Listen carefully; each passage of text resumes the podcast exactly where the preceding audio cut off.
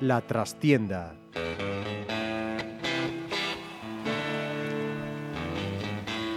Saludos amigos, os habla Ramiro Espiño en nombre de todo el equipo. Comenzamos una, una, nueva edición de La Trastienda en Pontevedra Viva Radio. Y hoy yo quería hacerlo con un comienzo diferente, pero que lo voy a dejar, me lo vais a permitir, para un poquito más tarde, porque de nuestros tres invitados nos falta todavía uno, que sería el protagonista de lo que yo quería introducir al principio, ¿no? Y me vais a permitir también que guarde todavía durante unos minutos hasta que llegue, que está a punto de hacerlo a nuestros estudios, pues la persona a la que nos referimos. Os adelanto que es un ex jugador del Pontevedra, pero que no es ex del Pontevedra, porque lo lleva en la sangre, en el cuerpo. Como lo llega también el segundo de nuestros invitados, que fue protagonista de un ascenso histórico. Él no es pontevedrés, porque no lo es de nacimiento, pero dicen que un hombre no es de donde nace, sino de donde pase, y él ha decidido pacer aquí en Pontevedra. Juanlu, muy buenas. Hola, muy buenas. Protagonista de un ascenso histórico, el que hace ya 12 años llevó al Pontevedra a Segunda División. Y lo que te decía, Pontevedra tiene algo que tira, ¿no? Sí, la verdad es que tanto la ciudad como la gente pues te hace sentir muy a gusto aquí y, y la verdad que estoy muy contento de estar aquí con, con todos vosotros. Y nuestro tercer invitado es posiblemente la mayor esperanza, o sí posiblemente, del arbitraje pontevedrés, de volver a tener a corto plazo un árbitro en la élite futbolística de este país. 25 años tiene, dos temporadas lleva en Segunda B, firme aspirante al ascenso, después de ser designado en estas dos últimas temporadas para dirigir partidos de playoff de ascenso. Vecino de Monteporreiro, Alejandro Muñiz, ¿cómo estamos? Muy buenas tardes, muy bien. Jovencito, joventísimo en el arbitraje, pero con las expectativas muy altas y con muchos ojos puestos en ti y en tu trayectoria. Bueno, sí, nosotros intentamos quitarnos un poco de presión y no obsesionarse con, con los objetivos, simplemente disfrutar. De pero, pero, además uno y otro eh, os gusta el fútbol en general y ayer, por ejemplo, Alejandro, tú pitaste, además de otros partidos, la final del torneo Fútbol 7 Benjamín Ciudad de Pontevedra y Juan Lu colaborando, como no, con Portero 2000 en la organización. Es el fútbol puro, ¿verdad? Es lo, lo fundamental. La disfrutan, a la vez aprenden, es, es, lo más bonito del fútbol. Vaya final, ¿eh? La verdad bonita. que sí. Fue una final bonita, eh, con dos equipos que competían muy bien, que jugaban muy bien al fútbol. La verdad que el Valladolid se lo mereció mucho de, porque fue de menos a más. Con y, alternativas, 5-3. 5-3, la verdad que ese es el puro fútbol, ¿no? Que, que no que busca el objetivo de ganar, sino de disfrutar y hacer disfrutar a la gente. Y además como árbitro todavía los niños no tienen esa picardía en su mayoría, aunque bueno, ya hay algunos que ya ven mucha televisión, ¿no? De, de buscar el engaño antes que la jugada. Algunos apuntan, apuntan maneras ya. bueno, pues Vamos a empezar, si os parece, eh, porque yo creo que es importante también, eh, no solo para los árbitros, sino para todo el mundo. Creo que uno de los grandes problemas que hay muchas veces, lo que tenéis vosotros como colegiados y todos en general, es que hay mucho exárbitro que se ha metido a comentarista, pero que se ha dejado el reglamento en su etapa y no se actualiza, ¿no? Y este año, precisamente, esta temporada próxima a comenzar, la 2016-2017, viene cargadita de novedades que hay que intentar hacer llegar a la afición. ¿Cómo nos podrías hacer, Alejandro, un, un pequeño resumen de, la, de, las más significativas, de lo que vamos a ver, de lo que vamos a tener como, como nuevas normas para esta temporada?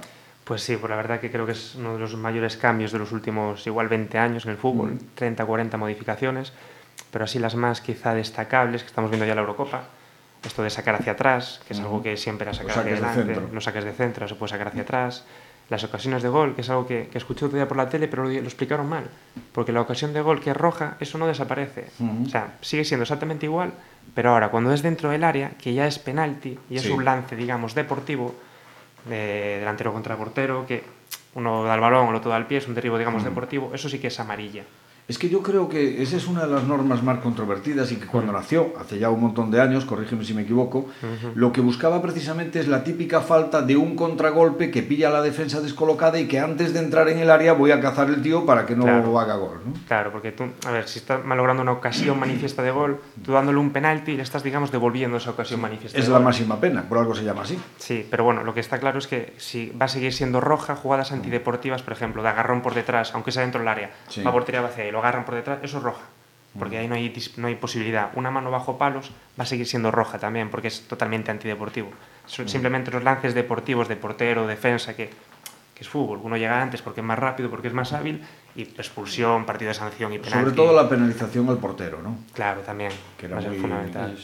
Porque es que no era un poco la triple sanción, o sea, es la expulsión, el penalti y luego el castigo para la jornada siguiente. y una cuádruple sanción que encima tienes que cambiarlo para poner otro portero, pierdes Mm. un cambio. Es, es más grave aún. Sí. Bueno, ¿y alguna otra cosa aparte de eso, o sea, como más significativo? O sea, por ejemplo, el, el tema de, que a mí me parece una estupidez también, no, no- o sea, no, es, no era culpa vuestra de los árbitros, evidentemente, si hacíais cumplir el reglamento, sino que, o sea, un jugador que se lesiona, pues automáticamente por encima de burro apaleado, ¿no? Sí, o sea, sí, sí. tenía que salir y dejar a su equipo con uno menos. Pero eso simple, ahora no van a tener por qué salir, si evidentemente si el jugador está dolorido va a poder salir, claro. pero solo es en el caso de tarjetas amarillas o tarjetas rojas. O sea, Mm. cuando el árbitro pite la falta y sea tarjeta, ahí si lo atienden no tiene por qué salir, siempre que estemos dentro de unos tiempos, unos Ujú. 30 segundos o, lo que expliquen. Y bueno, también antes por el tema de la deportividad, había un balón a tierra, lo pateaban, lo devolvían y si metían gol, Balón a tierra, para que nos entiendan los no tan metidos en esto, es lo que se llama o se conoce como saque de árbitro, ¿no? Bote neutral. Bote neutral, correcto. Eh, hace, antiguamente, ¿no? Hace tres años o cuatro años, si metían gol, era gol legal cuando devolvían este balón. Sí. Pues hicieron una norma y es, si entra directamente, es saque de meta. Pero siguen haciéndolo, siguen eh, correteando con el balón, metían gol. Ahora tiene que tocar en dos jugadores Ya. para que sea válido ese... Sea, para que no haya un pillo que quiera sacar Claro. partido, ¿no? De, de- Claro. de esto. Sí, sí, sí, sí. sí. De todas formas, eh, es evidente que con todos estos cambios de reglamentación y sobre todo cuando, como en este caso tú lo decías, que vienen en, en cascada ¿no? y de, de una forma importante todos juntos, a los árbitros complica mucho la vida, porque a veces tenéis que oír de todo y con razón. Sí, sí, sí. Aparte nosotros Con- estamos... no una- con razón oír de todo, sino que teniendo razón tenéis que oír de todo. Claro, claro. El tema es que, que ahora, bueno, estamos en una etapa en la que ni siquiera tenemos el reglamento en castellano.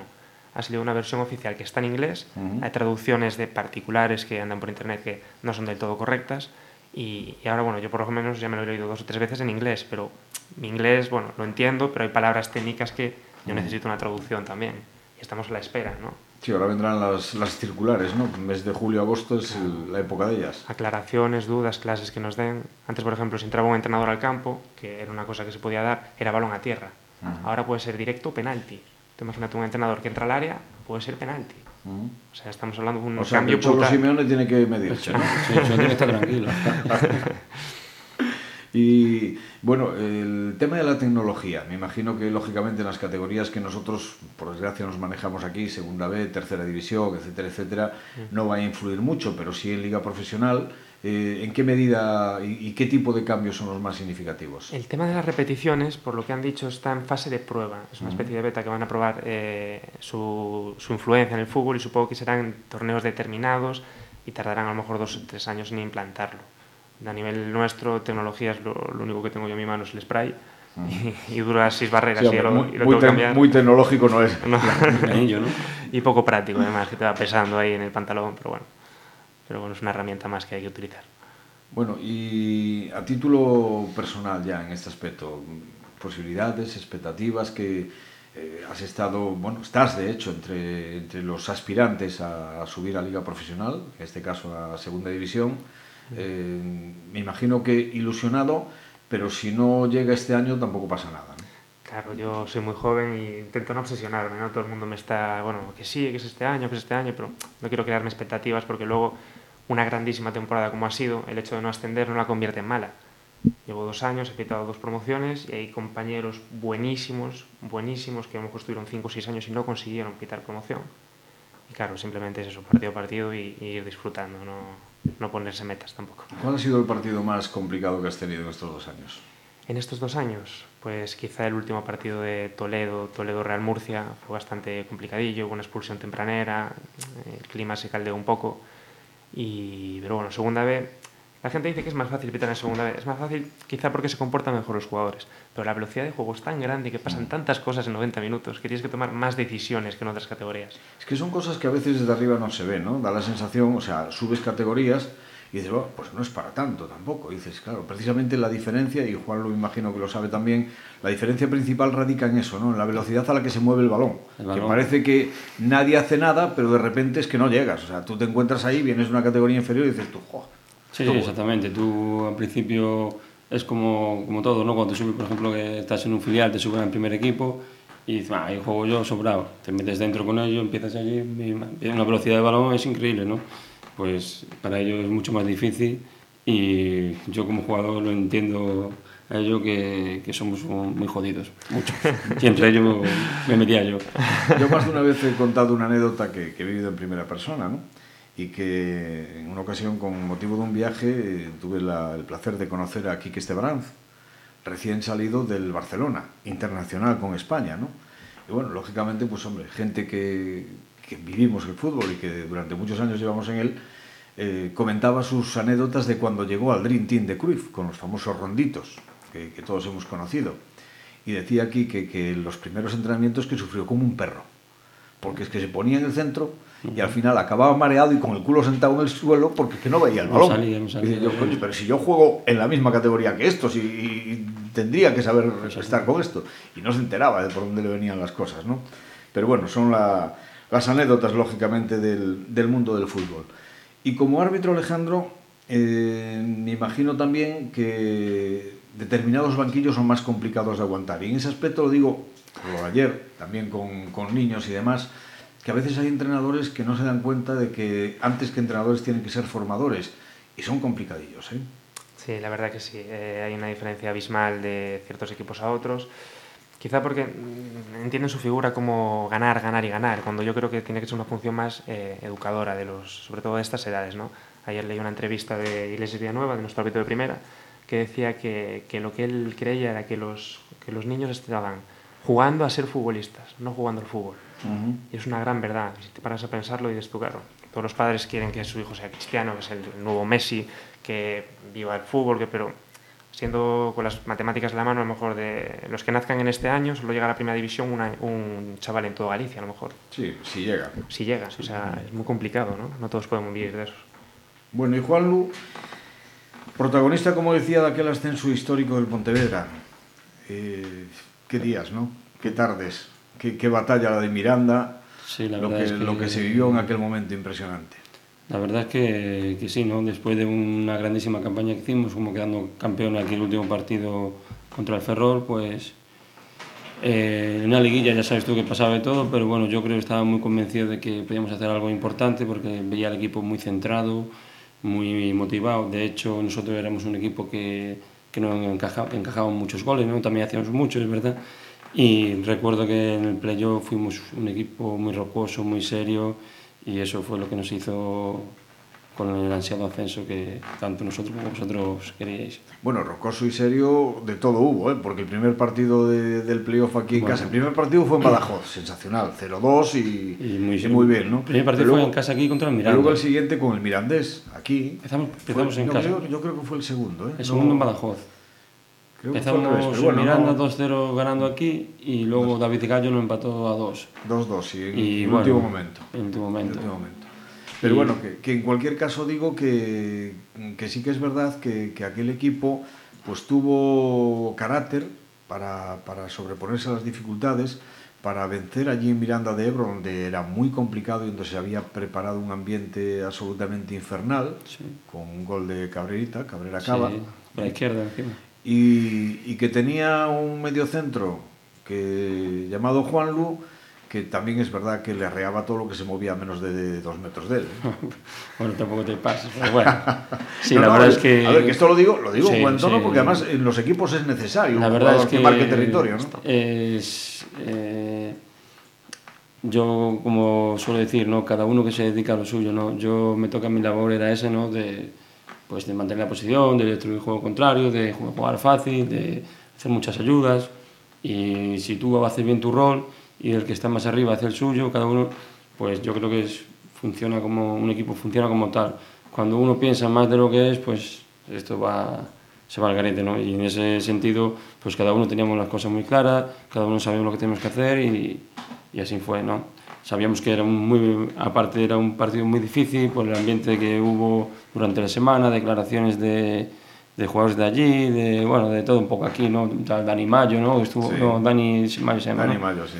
Estuvo calentando un poco el partido y, y bueno, al final fuimos allí, ganamos 0-1 para casa y, y la verdad que, que muy contento. Y luego, nos- después de aquello, nos quedaban dos partidos contra el Lorca los dos. El primero lo tuvimos en la mano y lo dejamos escapar en una primera parte, remontándonos un 0-1 con un gol de Javi Rodríguez de penalti. Pero aquel brasileño que tenía Lorca, Alessandre, nos, nos la jugó bien. ¿eh? La verdad es que empezamos 15 minutos muy bien, jugando muy bien al fútbol, llegando muy bien por banda, metimos el gol, pero empezó el pequeñito este buscar las- a buscarme las espaldas, a moverse de un lado a otro y la verdad que tenía, tenía un equipazo. El, el Lorca tenía a Alexander, tenía por el otro lado Quique Mateo, por la derecha Isaac, no sé si te acordarás, uno Sí. Y arriba estaba el tanque, este Boom, ¿no?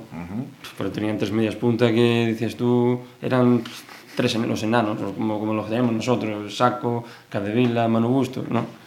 que son pequeñitos pero muy, muy dinámicos, eh, que buscan siempre que el balón y la verdad es que Alexander nos dio, nos dio el día allí. Y luego llegamos aquí a Pasarón y en la primera parte, si no es Paco Bazán, que saca tres manos absolutamente prodigiosas, nos quedamos con la miel en los labios. Pero luego la segunda parte cambió. Sí, la verdad es que salimos también con mucho respeto ¿no? en la primera parte y yo creo que es- fue eso lo que no, nos pudo. ¿no? Salisteis cagaditos. en La primera poco, parte, ¿no? sinceramente. Lo que pasa es que en el fútbol se recuerda lo último y como Sí, además exactamente. fue con éxito, pues mejor todavía. Salimos un poco, bueno, como dices tú, cagadito, eh, con respeto. Sabíamos que era muy importante no encajar con la primera parte y eso es lo que nos hicieron meterme un poquito más atrás. Y lo que tú dices, bueno, gracias a Paco que estuvo bastante bien en esos minutos, pero bueno, eh, luego cuando empezamos a jugar, estar más tranquilos, más sueltos, pues llegaron nuestras ocasiones y también tuvimos la suerte del, la suerte del papel higiénico ese que botó mal el portero. El- gol del papel higiénico. El gol del papel higiénico y... Hubo este que está hablando que fue el que le dio ese bautismo, ¿no? Sí. En la narración en Y, Radio Pontevedra. y entonces. llegó Saco por allí, metimos el gol y bueno, y a partir de ahí... ¿Ves? Alejandro es tan jovencito que se ríe de eso porque No se acuerda, era un pibito, no se acuerda de nada de eso prácticamente, ¿no? A mí no me suena nada de eso. bueno, pero la verdad es que quedará para la historia, ¿no? Y espero que, que pronto se vuelva a repetir esa, esa, ese de ascenso porque es una ciudad y la afición y vosotros los periodistas lo merecéis. ¿no? ¿Qué mes y medio se vivió en aquella fase de ascenso? eh?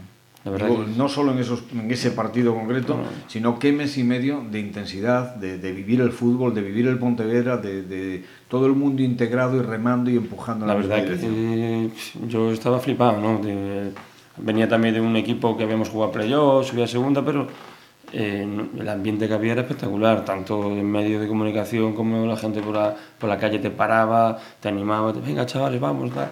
Eso era, y mismamente el club también nos estaba tratando como, como si, si fuésemos de élite, élite total, ¿no? Y eso para el jugador, para, para un equipo era muy importante, ¿no? También sabíamos que teníamos mucha responsabilidad. Y es que a mí me gusta recordar estas cosas porque a veces tendemos a olvidarnos del pasado, quedarnos solo con lo que nos parece, ¿no? Y en el Pontevedra pues se recuerda evidentemente con toda justicia la etapa del Ike Roelo, pero no está de más recordar que después de eso hubo un desierto, un abismo, hasta que llegó precisamente ese, ese ascenso, afortunadamente, y con momentos muy puntuales, el playoff del 94 donde perdimos con el Numancia y ascendió contra pronóstico el Écija, ¿no? Aquel grupo con Écija, Numancia, Levante y Pontevedra, pero sí que, que creo que es importante conocer pues, eh, la historia y conocer un poquito eh, en la boca tuya, en este caso, de, de- de las personas que lo habéis vivido en, en primer término, ¿no? pues cómo, cómo fue todo aquello y, y- y cómo fue un poco, porque yo creo que fue un poco el resurgir de la afición en Pontevedra que estaba pues muy dormida, avejentada también, eso dio lugar a, a un rejuveneci- rejuvenecimiento en la, en la grada de Pasarón que es fundamental para, para un club como el Pontevedra, para cualquiera, vamos. Sí, la verdad es que eh, la afición no sé qué había, ya estabas tú allí, que, que, yo en el campo estaba a tope, no solo apoyaba en el campo, sino fuera del campo. Cuando, una vez que ascendimos, no sé cuántas personas había allí en la plaza de... Sobre 25.000, calculaba la policía 25.000 personas. Eh, un viaje, bueno, Pero dos días seguidos, ¿eh? Dos o sea, días después seguidos. del partido y al día siguiente. El, el trayecto que hicimos en el autobús, por la calle, eso, la, la, verdad es que la gente se echó a la calle, apoyó mucho y le dio mucha vida a lo que es a Pontevedra, ¿Te acuerdas, ¿no? ¿Te acuerdas que follón para llegar al palco de, la, de Montero Ríos? Para... Desde que bajamos del autobús hasta llegar al palco donde Sí, sí. saludasteis al- a la peña. Sí, sí, la verdad que yo estaba, yo estaba flipando, ¿no? La verdad, mi madre me llamó, que lo salió en televisión, salió en todo, y la verdad que esos son recuerdos muy, muy bonitos que, que, hombre, tuve la suerte de vivirlos, pero espero que vuelva a repetirse eso otra vez. ¿no? ¿Conservas contacto con alguno de tus compañeros de aquella época? Sí, solo con, con muchos, ¿no? Solo tener contacto, eh, sobre todo con, con David, con, con Manu, con David Manu Casablanca. David Casablanca, Manu Busto, eh, Eres el, el trío de la vecina, ¿eh? trío quinteto.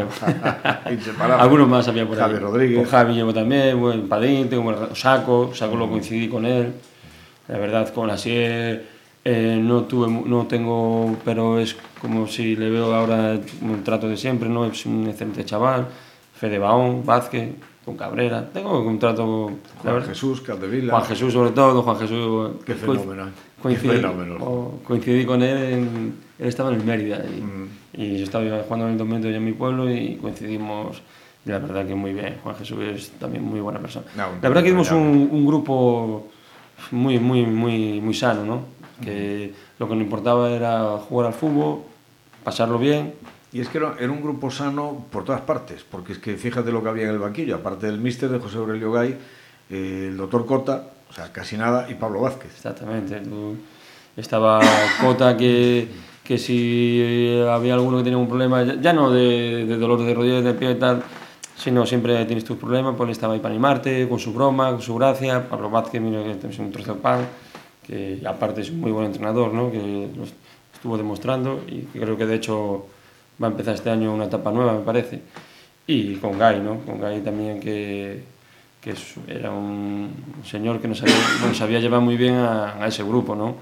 Era exigía, pero también permitía, ¿no? Y eso yo creo que fue la clave, la clave de, eso- de, de esa unión que hubo. Y mira que ese año se hicieron grandísimas cosas, evidentemente, entre ellas el ascenso, pero también hubo cagadas sonadas, ¿eh? Sí, hubo, yo me recuerdo, La creo de que la, la más sonada fue esa, un equipo prácticamente ya descendido, creo que está descendido. no, descendido. descendido. A la media hora ganabais 0-3. 0-3, perdimos 4. 6-3. 6-3, 6-3, sí. Fui el único que no me echó la bronca. me recuerdo. Pero la verdad es que sí, y, y no, no tienes explicación, ¿no? Porque empezamos a jugar a 0-3, jugando bien, llegando por todos lados, pero eh, eh, no sé, salimos en la segunda parte y un balón a borde de área, le cogí, lo enganchó uno por allí por la escuadra, otro igual, y bueno, pues dicen que fue de ser falta de actitud o lo que sea, pero bueno, yo creo que Exceso de confianza, quizá. puede ser también. La verdad es que el equipo que estaba descendido, ellos también tienen su orgullo y ganando 0-3, pero también era para ciertos jugadores difícil jugar, ¿no? Y, y nada, yo en ese sentido, como yo juego siempre, jugaba siempre al límite, al 100%, pues no tenía ningún problema. No me echaron la bronca, pero bueno, la verdad es que, que fue... la no fue... Fue un partido raro, raro. Pero bueno, lo importante es que ascendimos y Y para un árbitro, un jugador como Juan, lo que, como dice él, jugaba siempre al límite, ¿ayuda o complica? Depende, hay hay jugadores que van fuerte al balón pero que luego son muy nobles, que no protestan, hay, hay jugadores de todo tipo y hay jugadores que no meten, no hacen una falta en todo el partido pero te están radiando el partido continuamente y, y casi son peores esos Comiéndote los- la oreja, ¿no? Como se suele decir. te lo está, te lo está radiando, sí. O sea, son de esos jugadores que en un momento determinado le, le sacas la tarjeta por cansino. Sí, a ver, eh, el tema de las tarjetas, no hay tarjetas que sean claras que hay que sacar, hay algunas que sí y otras que nosotros llamamos negociables. No es lo mismo una acción en el minuto 2 que en el minuto 50, no es lo mismo amonestar a un delantero por protestar que a un defensa por protestar. Todas esas cosas hay que tenerlas en cuenta. Si, en una barrera se te adelantan tres, no vas a sacar amarilla a los tres, buscarás al que no tenga ya amarilla, si no tiene ninguno buscarás al delantero que a lo mejor es menos propenso a que... Eso todo es, técnica arbitral que aplicamos. Bueno, eso no lo sabía, ¿eh? ¿Ya ves? A mí me tocaba que siempre la amarilla. ¿eh? Tú la que se perdía la, la llevabas. Pero sí, hombre, hay, hay cosas evidentemente que, que, el árbitro tiene que utilizar la polémica. Yo es que, sinceramente, creo que os complica muchísimo la cosa, la labor que tenéis que hacer ya difícil de por sí con el famoso tema de interpretativo, ¿no? Porque es que, ¿quién sino el autor es capaz de decir lo que es voluntario o lo que no es voluntario? La verdad que sí, la verdad que las manos, que no es, no es tan discutido como la gente cree, porque nosotros tenemos unos, unas normas, unos criterios que aplicar bastante claros, que luego evidentemente siempre te, se te escapa alguna. Por ejemplo, una mano apoyada en el suelo siempre va a ser involuntaria. Uh -huh. Un jugador que se está cayendo, está gateando, apoya la mano en el suelo, da igual que corte pase, da igual que evite un gol, es involuntaria. Pero fíjate que se siguen discutiendo ese tipo de tarjetas y se siguen discutiendo no solo a nivel de, de público, de aficionado de a pie, sino incluso profesionales como de, de mi profesión, ¿no? periodistas y demás, que ellos mismos tengo estado al lado de algunos eso es tarjeta. O sea, el famoso agarrón que ha cambiado esta temporada pasada, por ejemplo, Correcto. que cuando tú agarras a un jugador, si, si continúa con la jugada, dices, no, es que aplicó la ley de la ventaja que le saque tarjeta luego. No, ahora no. Si continúa la jugada, si no interrumpe la jugada, no es tarjeta, es así, ¿no? Correcto, correcto. Esas son las faltas tácticas que llamamos una zancadilla leve, que es para cortar. Si evidentemente se aplica ventaja, no uh -huh. se va a sacar la tarjeta. Una mano, si el balón acaba llegando a su destinatario, se aplica ventaja, no se va a sacar tarjeta. Excepciones a las del agarrón, hay, por ejemplo, que sea un, eh, están dos atacantes y el agarrón sea contra el jugador que no lleva la pelota. Entonces ya estás quitando un jugador de remate, un posible pase de la muerte. Ahí si aplicases ventaja sí podrías amonestarlo, pero porque ya es estás quitando un efectivo de ataque, ahí no, la ventaja no es lo mismo que, que la otra acción. No me, me, vas a perdonar, no quiero meterte ningún compromiso, ni mucho menos, pero creo que falta eh, bastante de política de comunicación en el Comité Técnico de Árbitros. O sea, eh, obviamente sí que se preocupan de haceros llegar circulares a vosotros, actualizaciones, etcétera, etcétera, pero sin embargo no se hace llegar a los medios de comunicación, no digo porque nosotros tengamos que ser diferentes a nadie, sino como vehículo para que... Para que llegue a más gente claro, posible. que llegue sí. a los aficionados, ¿no? Yo leí, eh, pasa que en una noticia, creo que era un diario deportivo, creo que era Marca o alguno de estos, que una de las modificaciones que iban a hacer era que en las jornadas nuestras de Santander se iba a invitar a los medios de comunicación a a enseñarle las modificaciones, las dudas y nuestras clases en general. Desconozco si eso es verdad o no, porque en ese mismo artículo ponía que otra modificación era que en los fueras de juego la mano no contaba, cuando eso no contó mm. en los últimos 15 no años. Ha contado no, nunca. No, por eso. Que, bueno, no ha contado nunca, no sé si alguna vez, pero desde luego yo lo, el reglamento no que conozco y creo que me actualizo bastante es que el fuera de juego lo marca cualquier parte del, del cuerpo con mm. el que sea susceptible de jugar el balón. Correcto. Pues así, ¿no? Correcto. Entonces la mano nunca ha sido susceptible, salvo para el portero, de jugar el balón. Mm, Entonces, obviamente, si el segundo defensor fuese el portero, la mano del portero dentro del área sí contaría. Eh, no, eso lo especificaron. Eso en la nueva, yo lo que vi en el texto en inglés es que ahora especifica lo de los brazos, incluso lo matiza el portero, que tampoco cuenta. Lo amplía ahora este lo amplía año. el portero. Pero antes, algo... antes, no era así, hasta ahora por lo menos no era así. No lo ponía, estaba a interpretación, que eso es eh, lo claro, malo. Que no, no tiene sentido. Claro. O sea, si, si, partimos de la premisa de lo que dice la norma, de claro. cualquier parte con la que sea susceptible de jugar el balón, para el portero la mano sí juega el balón ya, dentro pero del estás área, dando claro. una ventaja a lo mejor que no es del todo unificaron criterios y dijeron las manos no cuentan y eso lo especificaron ahora bueno pues que, que, que, queda mucha tela que cortar y que y que obviamente lo de unificar las las acciones y demás, las faltas, lo, los saltos, el cuándo es tarjeta y cuándo no, el, el, salir volando con los codos, claro, claro. etcétera, etcétera. Es que hay un montón de, de, de, de normas, de dudas y que repito, que, que, se crean muchas veces como producto de los comentarios del, del, de la gente que estamos en los medios de comunicación también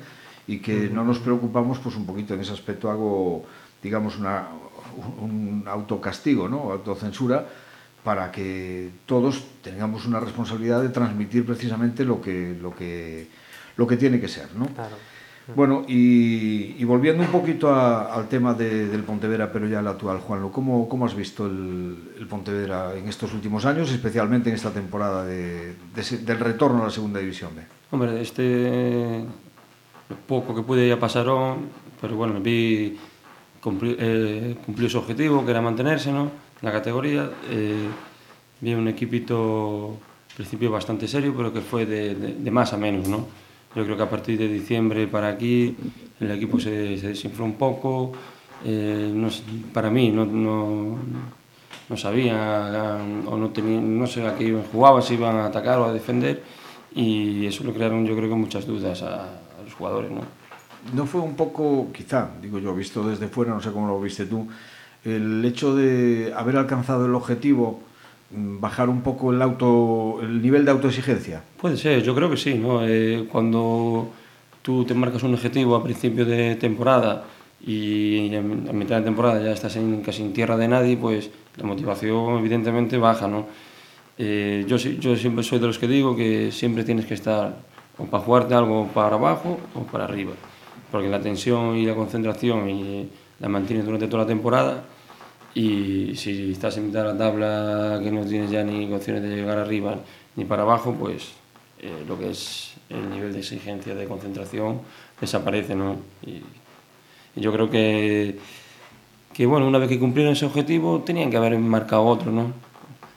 O había gente que, que no, que decía que el playo que no, que no sé qué, no sé cuánto, que nosotros, nuestro objetivo ya está cumplido, demás, pero bueno, una vez que lo cumples, tienes que buscar, ¿no? Hay que motivar a, a los jugadores para, para intentar llegar mínimo Copa del Rey, eh, eh, si estás en Copa del Rey vamos a buscar los cuatro primeros, siempre que, aunque luego eh, se haya cumplido el objetivo, como, como dijo bien Alejandro, ¿no? que, que si este año él no asciende por, por, cualquier motivo, no tiene por qué ser mala su, su temporada, ¿no? Uh -huh. Dijo al principio, pues lo mismo, ¿no? Si no se llega a Copa del Rey o no se llega a jugar entre los cuatro primeros, pero bueno, hay que pelearlo, no, no dejarlo hasta el final. No, no hizo una mala temporada, ¿no? ni mucho menos. ¿Y el futuro cómo, cómo lo veis? Y esto ya un poco para los dos, porque tú también has visto partidos del Pontevedra, lógicamente, uh -huh. con las novedades que hasta el momento se conocen, que no son muchas, más bien en cuanto a bajas que en cuanto a altas. Pero ¿pensáis que el equipo puede dar un, o tiene que dar un paso adelante? Yo creo que no, ¿no? Yo creo que, que debe, debería mantener muchos jugadores de la actual plantilla e incluso reforzarse con chavales jóvenes, que va a ser el futuro, va a ser el futuro, y luego pues dar su pincelada con dos, tres jugadores que, que marquen la diferencia y para intentar, primero vamos a mantener la categoría y después buscar otro objetivo, ¿no? Pero siempre y cuando buscando una base eh, un, e intentar hacer, crear un modelo de juego, ¿no? Buscar esos jugadores. Yo creo que bueno, que lo fundamental es lo que dice, el mantener un núcleo de jugadores. Tenemos el caso reciente, por ejemplo, de Leibar, que Leibar llegó a primera división con muchos jugadores de los que jugaban en segunda B. Y fue un, un año, otro año, primera división. ¿Por qué? Porque tenían un núcleo formado, sabíamos lo que jugaban.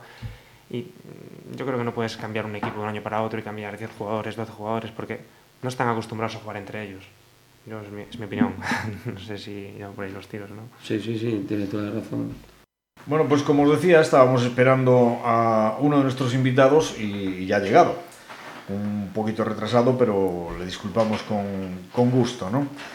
Porque os decía también en la introducción que quería comenzar el programa, y lo voy a hacer ahora, leyendo unas palabras llenas de sentimiento de alguien que a través de ellas demuestra lo mucho que quiere al Pontevedra y que en el momento de despedirse lo hace con grandeza porque él es un grande. Y escribió esto, se le ocurrió ni más ni menos. Soy consciente de que no he podido dar lo mejor de mí. No hay día que no me acueste y piense en qué habría ocurrido sin las dichosas lesiones. Quizás lo mismo o quizás no. Lo que sí tengo claro es que me voy con la cabeza bien alta. Me hubiera gustado jugar toda mi vida con esta camiseta, pero las cosas no funcionan siempre como uno quiere. Me voy jodido por no poder ayudar más, porque mi ilusión sobrepasaba mis cualidades y mi implicación estaba por encima de mis límites. He antepuesto este escudo a muchas cosas y he intentado hacer siempre lo mejor para el club. Me voy agradecido a todos los que habéis valorado mi esfuerzo y mi trabajo diario en todos los aspectos. Los que me conocéis sabéis que he sufrido mucho, pero también me he llevado muchas alegrías. Muchos de los peores y los mejores momentos de mi vida se quedan en Pasarón. Me quedo con la magia de ese estadio, con todas las sonrisas que he visto desde el campo, con todos los amigos que me llevo y con la sensación de haber aportado mi granito de arena, por pequeño que haya sido, en la historia del club de mi ciudad. Sueño con volver algún día. Gracias por todo y recordad, en Portugalete empezó todo. Y digo yo, qué bonito es ser del Pontevedra y qué lujo conocer a gente como tú, Fran Fandiño. Muy buenas. Muy buenas. Estoy de acuerdo en todo menos en una cosa, de lo que has escrito. Eso de que tu ilusión sobrepasaba tus cualidades. No lo comparto. Bueno. Creo que ilusión toda la del mundo y cualidades también. Creo que, que, siempre la ilusión es de lo más importante, sobre todo en esto del fútbol, y, y yo creo que la mía era inmensamente grande, incluso por encima de mis propias cualidades, que es lo que, lo que escribí. Y sí que lo pienso así, la verdad, porque creo que a lo mejor, pues bueno, si tuviese otras piernas y la calidad de otros, pues a lo mejor sí que podría seguir estando ahí aún, aún al margen de las lesiones o de, o de otras cosas. Pero bueno, al final eh, creo que mi ilusión sí que estaba un poquito por encima. Debutaste como juvenil, corrígeme si me equivoco, en Jandía, en un partido contra el Pájara Playas, ¿no? En segunda B. Sí, con, con Xavi Gracia, sí. Y luego, bueno, pues pasaron varios años hasta que tuviste la oportunidad de, de integrar una plantilla, un primer equipo, que fue el que nos devolvió a Segunda División B.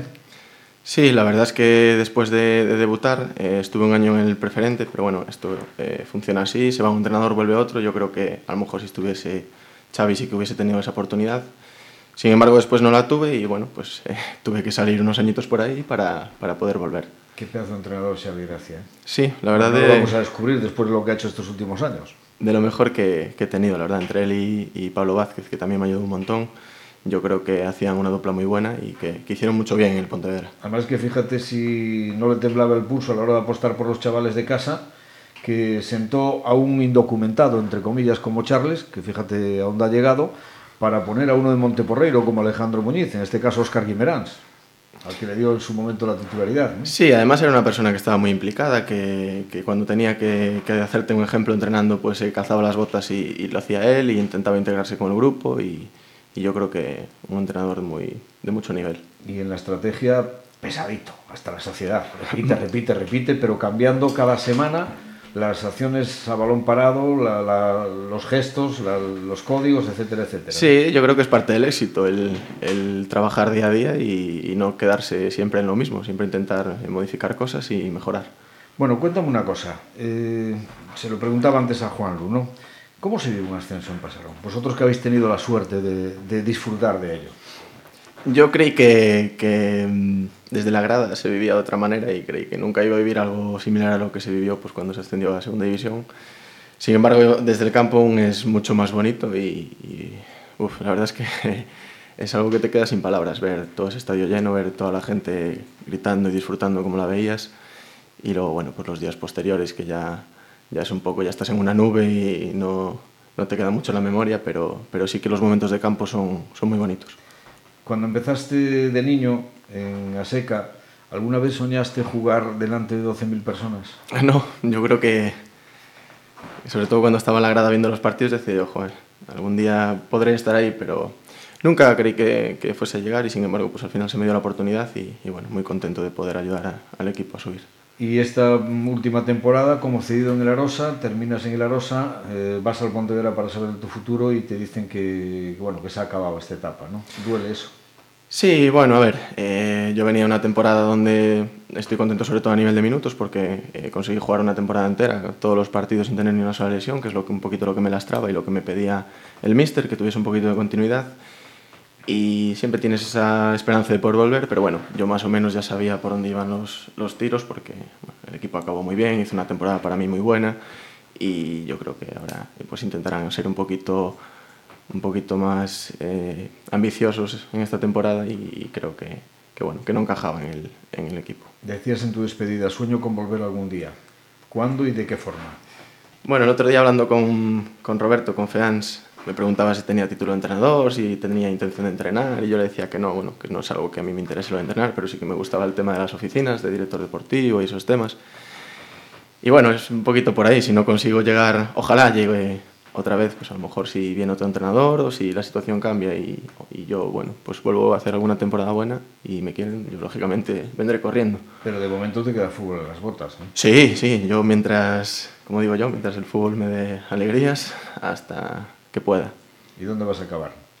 Pues no lo sé, ahora mismo es pronto, estamos a, a ver qué sale y, y ojalá pues pueda enganchar. También tengo el sueño de enganchar en segunda B y, y, bueno, yo creo que estoy en esos años buenos del fútbol, de plenitud y ya soy mucho más maduro, ya tengo muchas cosas en la cabeza y, y yo creo que eso también me va a ayudar a dar un pequeño saltito y ojalá sea este año o el año que viene y si no, pues nada, a seguir peleando en, en tercera y donde me den la oportunidad. Lo recordabas tú también en la despedida, lo del ascenso fue precioso, pero vaya mañana más bonita que nos diste en Portugal. Yo creo que es uno, uno de los mejores fines de semana de mi vida, porque el día anterior había ganado el Madrid la, la décima, y como tú bien sabes, yo Bueno, soy, eso, eso no es tan bueno. yo soy madridista, entonces siempre, siempre quedará en mi cabeza. Y sí, yo creo que, que bueno, el Pontevedra lleva unos años muy difíciles y, y llegamos allí, y era una época en la que no estábamos cobrando, en la que el equipo no parecía que no iba para adelante, que hablabas con la gente y había ese, ese pesimismo, sobre todo en esa ida que tuvimos en casa, y sin embargo llegamos a Portugalete y yo creo que allí dimos un golpe fuerte y la gente se volvió a ilusionar, la gente viajó con el equipo y aunque llevamos el palo de, de, Puerto, de Puerto Llano, yo al, al acabar el partido le, le, decía a los compañeros que, que del año que viene no, no se escapaba. Y no se escapó. Y no se escapó. Y bueno, pues yo de verdad lo que, lo que me gustaría, que antes o después gente como Juan Lu, gente como Fran Fandiño, gente como Alejandro Muñiz, unos adoptados, otros de Pontevedra de siempre, eh, tienen muchísimo que aportar a este Pontevedra en unas facetas o en otras cuando terminen su actividad. Juan lo ya lo ha hecho, lógicamente, pero a vosotros aún os queda cuerda para rato. Y, y por qué no, pensar en, en ayudar a hacer este Pontevedra un poquito más grande. Sí, yo pienso que bueno, lo bueno que tenemos la gente de casa es que no solo ayudamos dentro, sino que fuera también tenemos mucha importancia. En el sentido, bueno, pues te vienen compañeros y les ayudas un poco a integrarse, a que conozcan la ciudad, eh, tienes que hacer actos por ahí y normalmente siempre está más disponible el que está en casa que el que viene de fuera. Bueno, yo creo que van por ahí un poco los tiros también. Creo que aunque dentro del campo no aportes todo lo que se te exija o no tengas una buena temporada, sí que fuera siempre tienes que estar al día y tienes que intentar ayudar. De Juanlo, por ejemplo, tiene título de entrenador, va por esa vía, a lo mejor pues tiene cabida, ¿no? Bueno, eh, como te dije antes, poco a poco, ¿no? Estamos empezando eh, con mucha ilusión, con, muchas ganas, pero siempre, como dice Frank, con los pies en el suelo, ¿no? Eh, yo estoy, lo estaba escuchando, le he escuchado eso, eh, lo que ha dicho, y la verdad que me emociona un poco, pero yo quiero decirle que, que si tiene un sueño, que lo siga persiguiendo, que trabaje, que calidad tiene mucha y que puede jugar perfectamente en el Pontevedra y en el equipo que se lo proponga. O sea que por eso eh, la ilusión lo último se pierde, pero pues, si tienes un sueño que, que, vayas a buscarlo. Buen consejo. Y Alejandro Muñiz, pues después de que pases por primera división, a lo mejor una vez que te retires, el puesto de delegado del Pontevedra vendría al pelo, que, que no está mal nunca alguien que sepa de esto, ¿no? Hombre, eso, bueno, el estadio de Pontevedra, yo que he tenido la suerte de ir por muchos campos ya estos dos años, pocos estadios hay que, que sean mejores, muy pocos estadios. Pues muchísimas gracias a los tres. Ha sido de verdad un verdadero placer teneros aquí. Espero que lo podamos hacer en cualquier otro momento en esta trastienda que, como siempre, termina con nuestra habitual despedida musical. Y como a, todos los que estamos aquí nos une nuestro amor por Pontevedra, ¿qué canción más apropiada que una que lleve por título Cosita Loca llamada Amor? Crazy Little Thing Called Love. La canta el genial Freddie Mercury al frente de Queen, de su concierto realizado en Montreal, en Canadá, en 1981. Como cada semana, que lo disfrutéis y hasta el próximo programa que intentaremos que haya más y si podemos también mejor.